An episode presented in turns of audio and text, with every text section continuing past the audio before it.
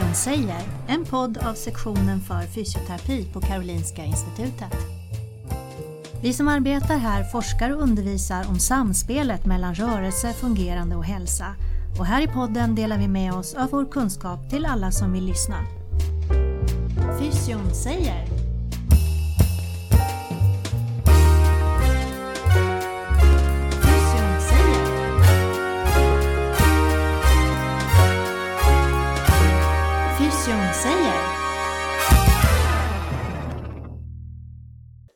Ja, mitt namn är Wim Groten och jag sitter här och eh, håller i podden idag. Och vi har två gäster här i studion. Och den första gästen är Charlotte Ytterberg som är docent vid Karolinska Institutet, disputerat inom fysioterapi, sjukgymnast. Eller säger du fysioterapeut? Vad säger du? Jag är sjukgymnast. Du är sjukgymnast. Och så har vi också här Sebastian Lindblom som är sjukgymnast eller fysioterapeut. Vad säger du?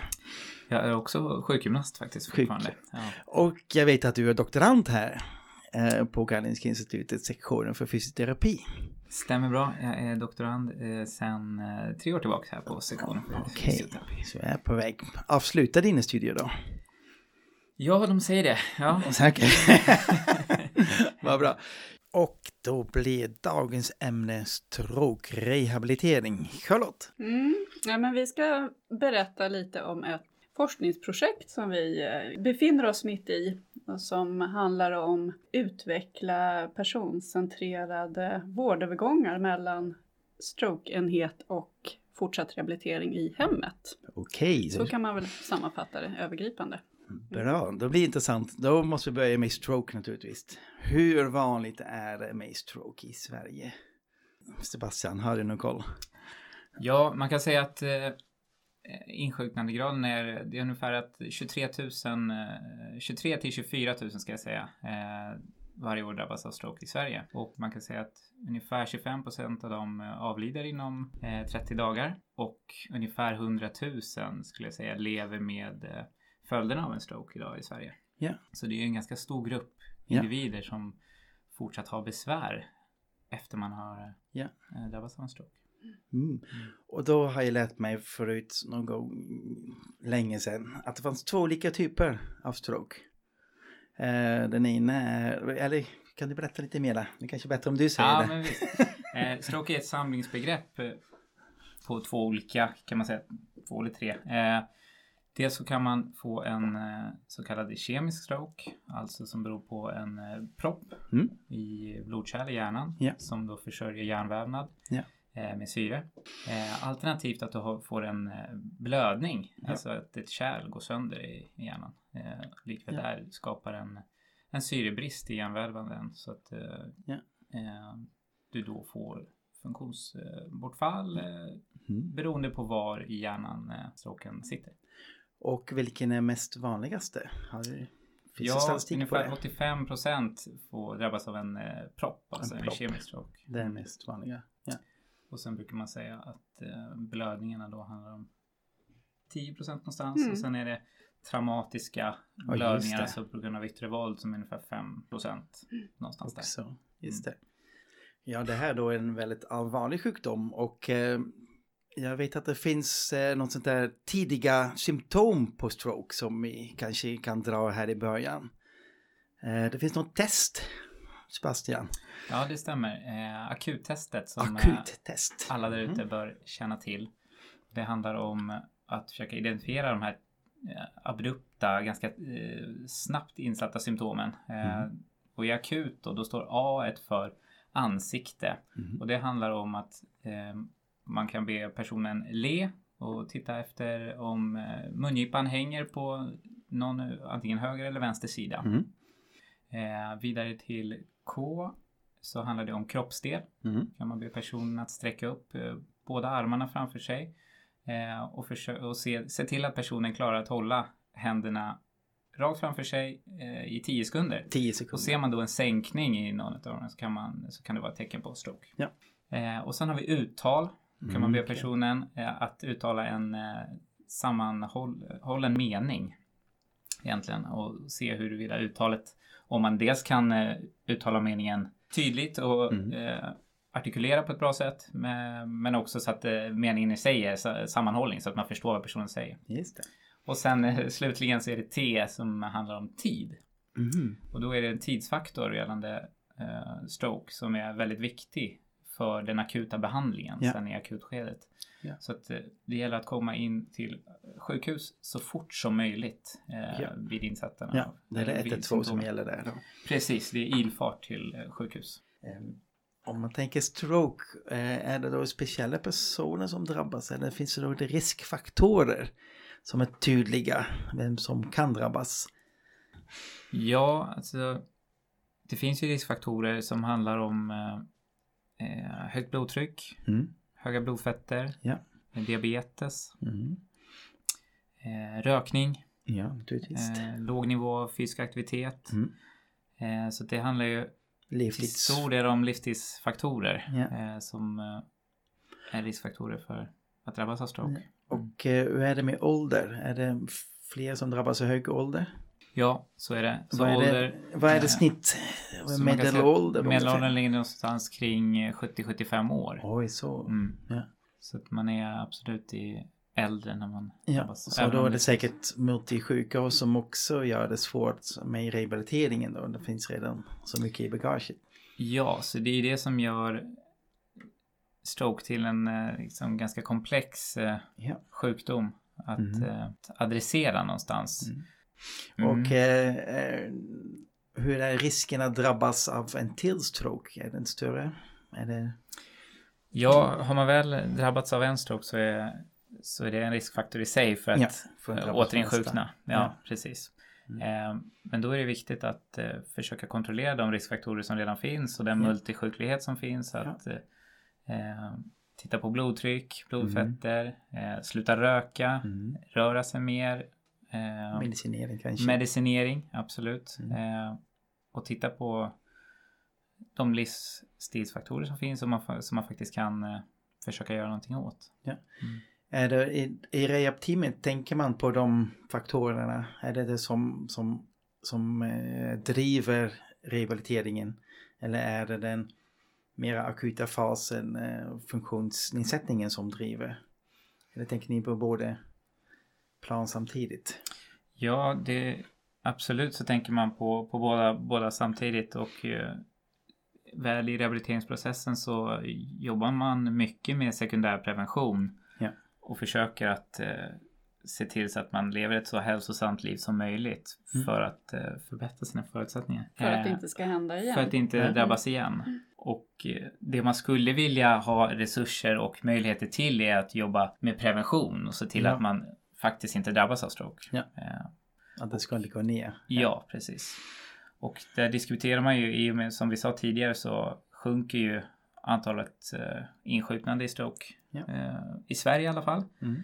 Och det tror man, man vet inte exakt, men man tror att det kan bero på att man faktiskt eh, sköter de här riskfaktorerna på ett bättre sätt. Man medicinerar hög, högt blodtryck, ser till att blodfetterna blir bättre med mediciner eh, och exempelvis eh, behandlar förmaksflimmer som, en, som också är en stor riskfaktor. Mm. Ja, då har vi lärt oss lite om stroke, eh, förekomst och riskfaktorer. Men eh, dagens ämne var rehabilitering av stroke. Så Charlotte, kan inte du berätta om ert projekt? Mm.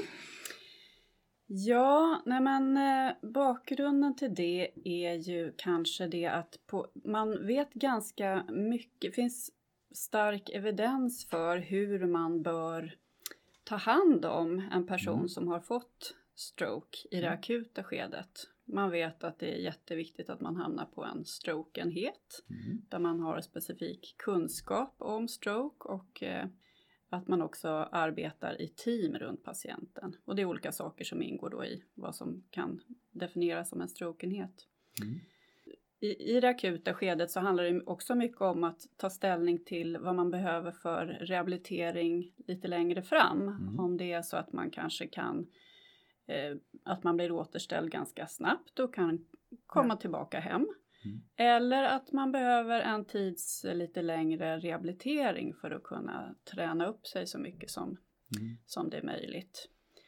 Eh, och eh, det finns en eh, rehabiliteringsform där man får rehabilitering i hemmet av ett hemrehabiliteringsteam, ett Ja. neuroteam som Mm. har specifik kunskap om neurologiska åkommor som då kan eh, påbörja rehabiliteringen hemma. Men man vet att den här vårdövergången mellan den akuta vården och den fortsatta rehabiliteringen i hemmet, att den är väldigt eh, viktig faktiskt för hur det går för individerna längre fram. Det finns någonting som kallas för Early Supported Discharge Mhm. som har, där man inom det eh, området har man gjort väldigt många olika studier, både i Sverige och i andra Mm. länder.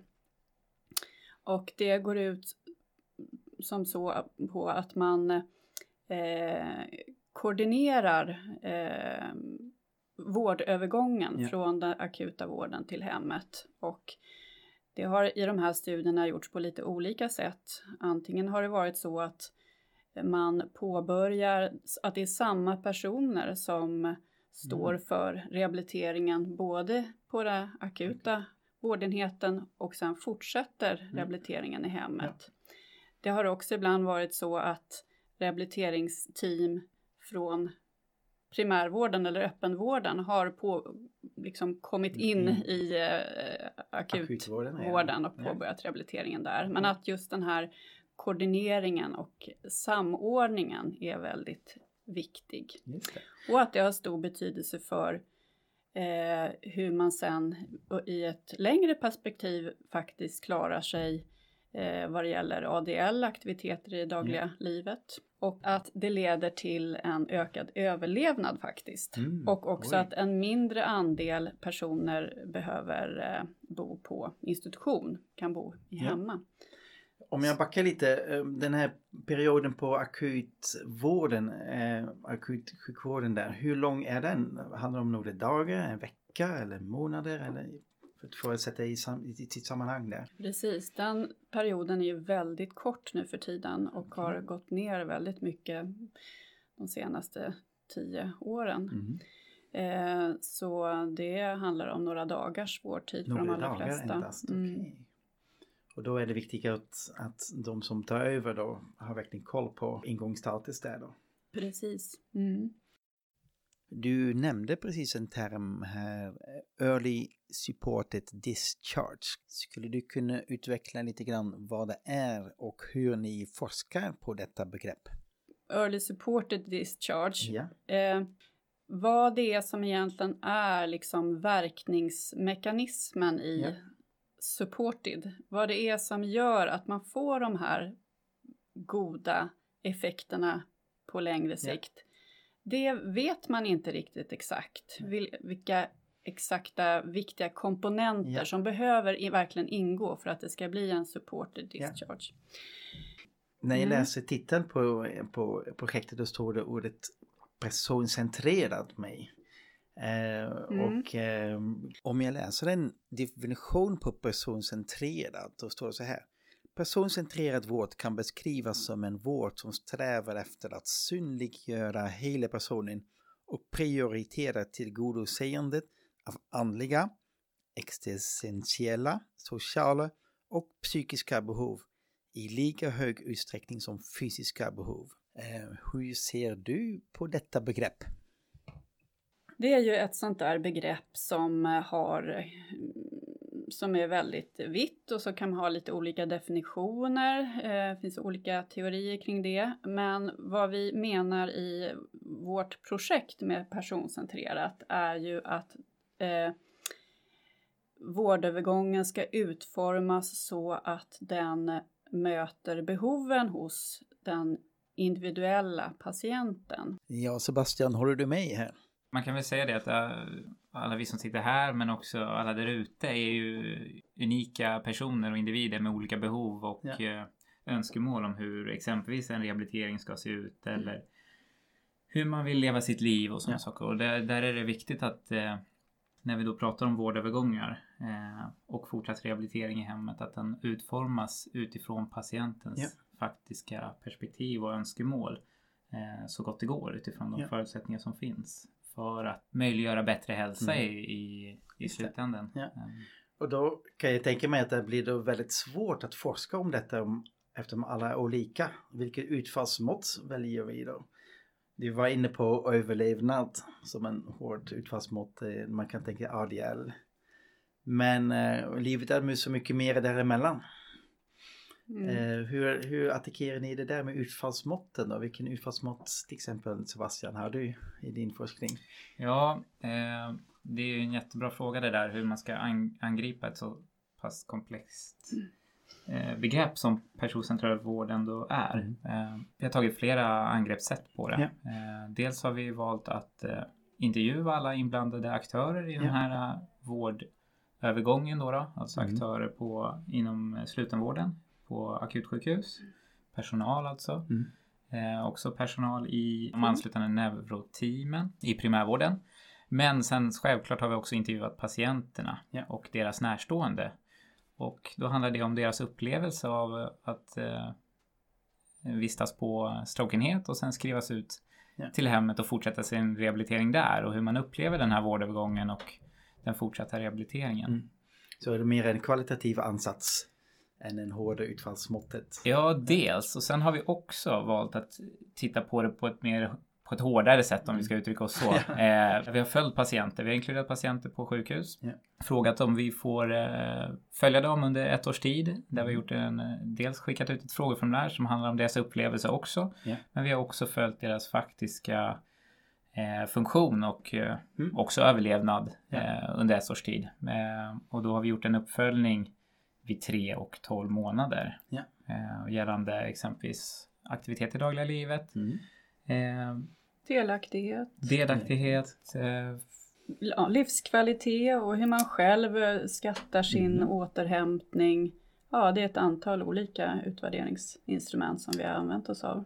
precis. Och också ja, men svårighetsgrad av stroke och hur, Mm. hur pass väl man Ja. återhämtar sig efteråt. Just det, Mm. Eh, själva sjukdomsbilden. Ja. Precis. Och i tillägg till det så tittar vi också på vilken typ av eh, resursförbrukning av vård som Okej, man använder alltså sig av ekonomisk efteråt. analys. Så vi vill också ta reda på hur ser det ut för de här patienterna eller personerna efter att de har skrivits ut från sjukhus. Ja. Vilken typ av rehabilitering får man? Får man rehabilitering överhuvudtaget? Det är något vi inte riktigt har koll på idag och i vilken omfattning. Eh, och också vilken annan typ av vård man får Mm. eh, då i nästa steg i primärvården framför allt. Ja, för att jag tänker mig, kan tänka mig om man inte är i akutvården, var hamnar man då? Är det kommunen eller är det landstinget eller blandad? Ja, man kan säga så här att får man en stroke i Stockholm idag så läggs man in på sjukhus på strokeenhet eh, förhoppningsvis. Mm. Och därefter så finns det olika vägar att gå. Antingen så kan man skrivas ut direkt till hemmet med Mm. fortsatt rehabilitering med neuroteam då. Ja. Alternativet är att fortsätta sin rehabilitering inom slutenvård. Ja. Alltså inneliggande rehabilitering, antingen på en geriatrisk avdelning eller på en specialiserad rehabiliteringsanläggning som Mm. finns i Stockholmsområdet. Flera olika aktörer. Alternativt är man så pass dålig att man inte klarar sig på egen hand så kan man också eh, skrivas ut till särskilt boende. Ja. Så det Så finns det olika vägar, ja. precis. Mm. Vi välkomnar nytillkomna lyssnare till Fysion säger, en podd av sektionen för fysioterapi på Karolinska Institutet. Jag sitter här i studion med Charlotte Ytterberg och Sebastian Lindblom. Och vi pratar om ett projekt som handlar om personcentrerad rehabilitering efter en stroke. Charlotte, vi var inne på ordet personcentrerat. Vill du komma tillbaka till det? Tycker det är intressant det där med begreppet personcentrering och eh, om man skulle fråga personal om de Mm. jobbar personcentrerat så tror jag att alla svarar ja. Mm. Men det har man sett i många olika studier att det faktiskt inte är så utan att eh, det perspektiv som vi som hälso och Mm. sjukvårdspersonal har ofta skiljer sig från det perspektivet som patienterna har. Mm. Så det blir liksom en diff där. Ja. Det finns också många studier, bland annat våra egna, som, där vi har sett att det här att få vara delaktig i Mm. sin rehabiliteringsprocess och att vara aktiv i hur den ska se ut, hur den ska utformas, har också stor betydelse Mm. för utfall och hur nöjd man är med sin rehabiliteringsprocess. Yes. Och då kommer vi ju in på hur man då ska kunna skapa sådana här personcentrerade vårdövergångar. Mm. Jo, då tänker vi att alla de olika perspektiven behöver finnas med. Mm. Och där kommer vi att ta reda på hur en sån här vårdövergång ska se ut för att vara personcentrerad och vad som ska ingå i den. Så kommer vi att göra det i en eh, co-design-process. Mhm. Oj, nu måste jag förklara vad en co-design är för någonting. Precis. Sebastian Ja. kanske. Eh, en co-designprocess handlar egentligen om samskapande. Så man involverar de här aktörerna som vi har nämnt Mm. tidigare Ja.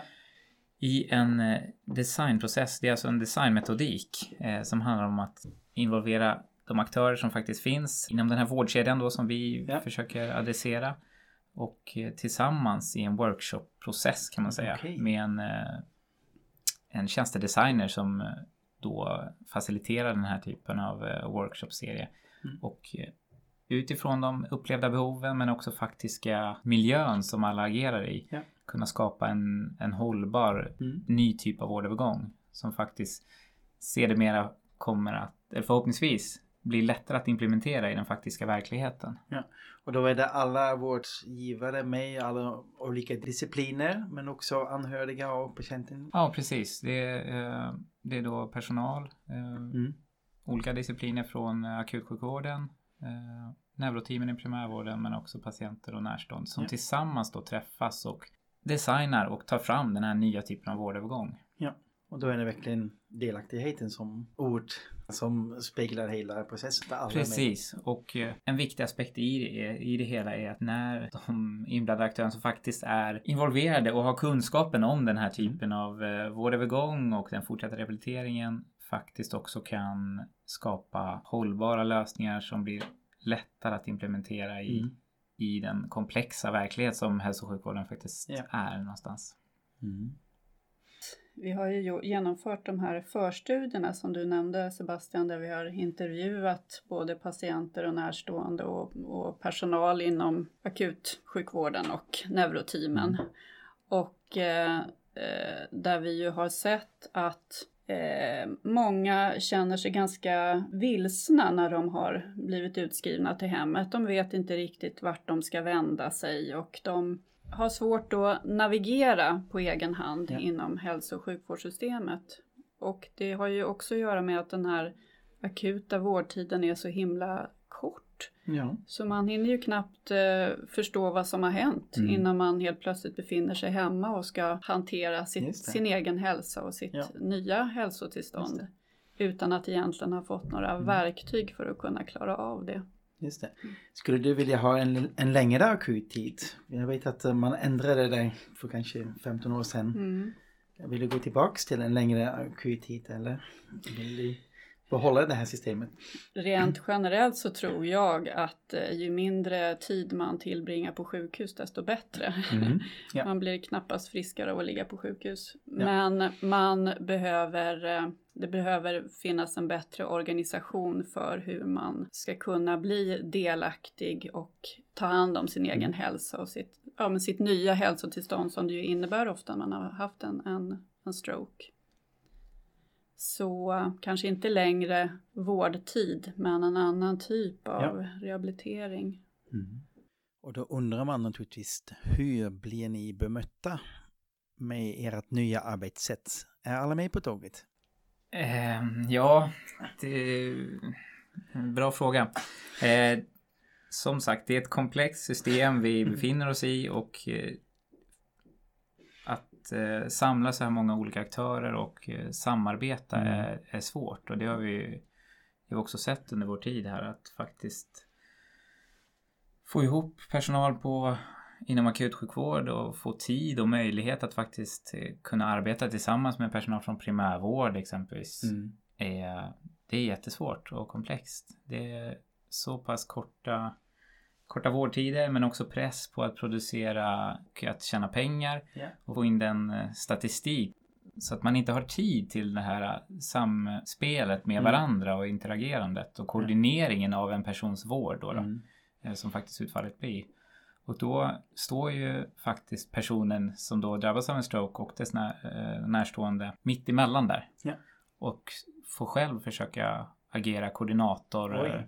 Eller, navigator och försöka Mm. hitta rätt Ja. i den här ganska trixiga och svåra miljön som Mm. hälso och sjukvården är. Just det. Vem är det som är egentligen den som håller i trådarna? Är det läkaren eller fysioterapeuten, arbetsterapeuten eller kuratorn kanske? Kan det växla? Alltså det, egentligen är det ju patienten och eh, Okej. den närstående som i, i slutändan, när man väl har kommit hem, som egentligen har ansvaret.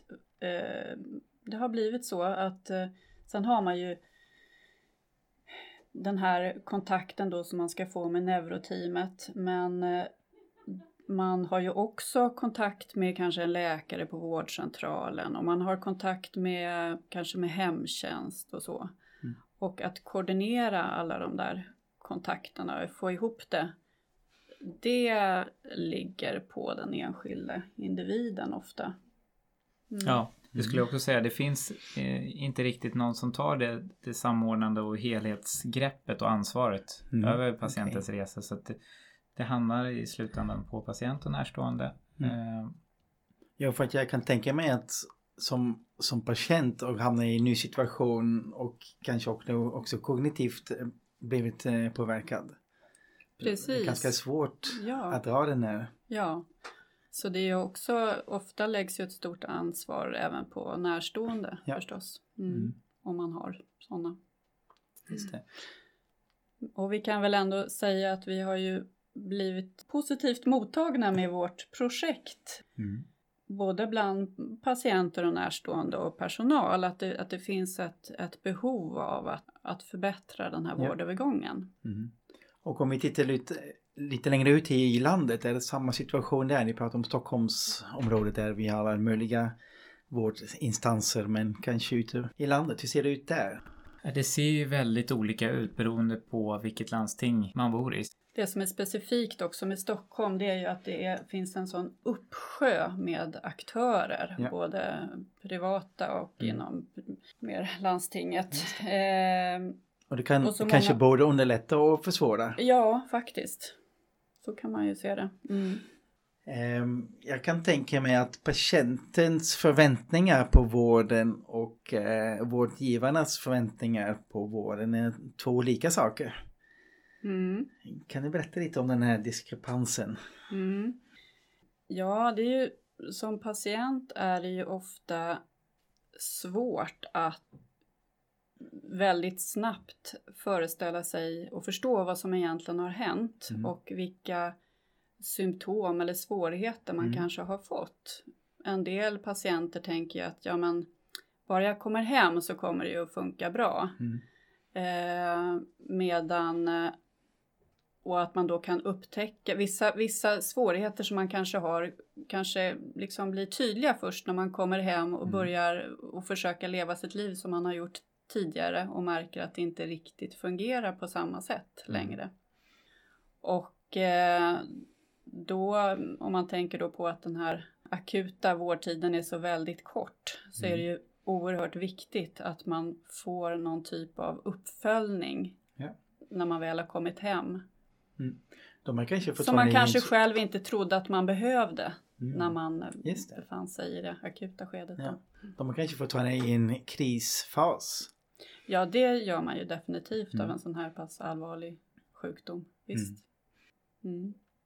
Ja, då har vi naturligtvis blivit väldigt nyfikna på era resultat. Vad har ni kommit fram till? Kan ni sammanfatta det på ett kort sätt? Ja, eh, vi kan väl återkoppla lite just till eh, då dels eh, erfarenheterna av eh, de här inblandade aktörerna. Eh, och gällande patienter och närstående så handlar det ofta om att apropå den korta vårdtiden att man på sjukhus är, inte riktigt hinner få den eh, tillräckligt med information eller blir till, tillräckligt involverad i sin egen vård och få tillräckligt med kunskap om vad är det som har hänt mig. Eh, hur kommer det här påverka min framtid och hur ska jag fortsätta kunna sköta min hälsa nu efter att jag skrivs ut från sjukhus? Mm. Eh, det är ett önskemål man har att faktiskt kunna få mer kunskap och information om det här. Samtidigt kunna vara involverad tidigt i processen. Mm. Eh, Så många patienter bes- beskriver att det känns som att man blir utkastad från sjukhuset Mm. och kommer ut till någon form av tomrum Ja. eh, där man helt plötsligt ska klara sig själv. Och Mm. handlar det då om att gå från att drabbas av en stroke och sen ligga in- inne på sjukhus i tre till fyra dygn och sen skrivas ut så kan man förstå den, den känslan. Mm. Eh, Men också vikten av att det finns någon att kunna vända sig till vid frågor och problem. Ja. Eh, Exempelvis när man kommer hem. Vad behöver jag? Vad kan jag vända mig Mm. om jag får frågor eller eh, behöver hjälp med Ja. att klara sig hemma eller Mm. sköta sin rehabilitering eller fortsätta sin rehabilitering. Och vilka kontakter behöver jag ta fortsättningsvis? Det kan också handla om arbete exempelvis. Alltså Mm. hur länge ska jag vara sjukskriven? Ja. Får jag köra bil? Sådana typer av Ja. frågor. Sen handlar det ju lite om apropå organisation och hur man är organiserad. Eh, möjligheterna till att ha en samordnad process från sjukhus till primärvård. Och där finns det ju ett intresse hos de inblandade professionerna, både på Mm. sjukhus och i primärvården, att faktiskt vilja samarbeta Mm. och få det här att funka. Ja. Men organisationsstrukturerna och möjligheterna att göra detta finns inte riktigt idag. Nej. Utan det är som press och eh, stress över att sköta dagens uppgifter, att man inte har tid till det här extra att faktiskt kunna prata med varandra över organisationsgränser eh, som ställer till Mm. det lite. Just det. Och sen har vi ju sett också eh, utifrån våra kvantitativa studier att det är vissa områden som eh, där man framförallt är mindre nöjd. Du säger att patienten är mindre nöjd. Vilka områden handlar det om då? Ja, man kan väl säga så här att det handlar om det är då patienter som känner sig mindre nöjda med information gällande hur, som jag var inne på tidigare, att hur man ska sköta sin egen hälsa efteråt, efter Mm. utskrivning från sjukhus. Eh, också att man inte känner sig tillräckligt säker att kunna göra det och veta hur man ska göra. Mm. Eh, sen handlar det också om att patienter som sagt vill bli involverade och få tillräckligt med information. Men också, som du var inne tidigare på Lotta, att ha en plan framöver. Vad kommer hända nu efter att jag skrivs ut här från sjukhus? Vad finns det? Vad, vad är det för uppföljning som krävs? Mm. Ska jag träffa någon? Eh, och hur ser efterförloppet ut? Mm. Och en sån faktiskt viktig fråga är ju det här att eh, det är väldigt, väldigt många, nästan hälften, som inte riktigt förstår eh, biverkningar av sina mediciner. Nej. Eh, och det kan man ju tänka sig att det kan leda till att man kanske slutar med de där medicinerna Mm. som kan vara väldigt, väldigt viktiga att man Mm. tar. Jag tänkte re rehabiliteringen, hur ser den ut? Vad är fysioterapeutens roll eller sjukgymnastens roll i den? Och hur lång är rehabiliteringen i snitt? Om vi kan dra till med något. Mm. Ja, det där är ju en intressant fråga för att det vet vi inte riktigt idag hur, hur det ser ut. Mhm. Eh, och just det försöker vi titta på vad gäller den här den insamlade datan gällande resursförbrukning och vilka typer Ja. av kontakter man har. Så att egentligen så vet vi inte hur lång tid man faktiskt har kontakt med exempelvis neuroteamet efteråt eller i vilken omfattning. Eh, Det som är är att man får en kontakt med neuroteam och där är ju fysioterapeutens roll att ingå i ett multidisciplinärt team med arbetsterapeut, kurator, logoped och dietist. Och utifrån då uppsatta behovet. mål och individens behov eh, försöka anpassa rehabiliteringen efter det. Mm. Mm. Mm. Och just eh, för en sån eh, sjukdom som stroke är, där man i vissa fall åtminstone lever med konsekvenserna av Mm. sjukdomen kanske resten av livet, så är det ju extra viktigt med det där som man brukar kalla för self-management, att man har l- lär sig att hantera förmåga till egenvård helt Mm. enkelt. Mm. Och då kan jag också tänka mig att eh, när de då kanske något år senare när rehabteamet inte finns längre att de börjar söka vård hos eh, primärvården. Hur, hur blir de bemötta där? Ja, man kan säga alltså neuroteamen tillhör primärvården eh, och kontakten, när kontakten väl slutar där med den rehabiliteringen med neuroteamet då kan man ju bli fortsatt eh, eh refererad till att fortsätta inom vanlig primärvård så att säga med utifrån behov då ofta enskilda insatser kanske antingen av fysioterapeut, mm. arbetsterapeut eller logoped kanske om man har språkliga svårigheter. Yeah. Eh. Ja, det varierar ju väldigt mycket. Mm. En del kan ju eh, också få upprepade rehabiliteringsperioder kanske eftersom man kan behöva mm. det. Eh, men om, om möjligt så är ju det allra bästa att man kan få möjlighet att komma ut i, i vanlig friskvård egentligen ja. för att kunna vara aktiv ja. och ta hand om sin fysiska aktivitet till exempel och, och sin hälsa utan inblandning av sjukvården. Eh, och det är väl ett annat område men det är ju mm. inte alltid så lätt för personer med, med funktionshinder att, mm. att faktiskt Ja, de arenorna för att, mm. att kunna träna till exempel mm. finns inte riktigt. Nej så tillgängligt alla mm. gånger. Mm. Det kan vi ändra på. Mm. Om vi går tillbaka till er forskning, vad händer just nu? Ja, nu håller vi ju på med, med den här då co-design-processen som vi var inne och nämnde tidigare. Och eh, vi tänker oss ju att när man då som aktör inom vårdövergången också är med och utformar den nya vårdövergången så tänker vi att det Dels att det är större chans att eh, den faktiskt kommer att möta de behov som finns hos mm. individen mm. och också att den kommer att vara möjlig att implementera i den kliniska verkligheten. Ja. Och då kommer vi att genomföra dels studier av den här implementeringsprocessen ja. och också hur utfallet blir, alltså hur, mm. hur det går för de här personerna som ja. får den nya vårdövergången över längre tid. Mm. Så det är nästa fas i det här mm. projektet. Mm. Och sen räkna pengar på det där naturligtvis. Och räkna pengar på det också, mm. precis. Mm. Så det är intressant att följa mm. era mm. studier. Ja. Ja, vi har sett då att den ökade svårigheten kan vara den här samordningen och eh, att kanske patienterna hamnar på en vanlig vårdcentral. Hur är det med utbildningsnivå och eh, finns det kanske kurser som om man är fysioterapeut och sjukgymnast och vill lära sig lite mera om neurologi? Ja, vi har en eh, fristående kurs på avancerad nivå då här på sektionen för fysioterapi mm. som är på 15 poäng. Och det är ja, inom neurologisk fysioterapi, då är det inte bara stroke utan Nej. det är alla möjliga olika neurologiska ja. diagnoser som tas upp där ja. och i relation till fysioterapi. Eh, men eh, precis som du säger, det är ju ofta så vilket kan komplicera den kliniska vardagen, att de patienter vi möter inte bara har en sak. Mm. De har inte bara brutit benet utan Nej. de har också en stroke sedan tidigare och ja. stroke i sig är ju ett sånt också komplext tillstånd där man kan få en massa olika typer av symptom och svårigheter.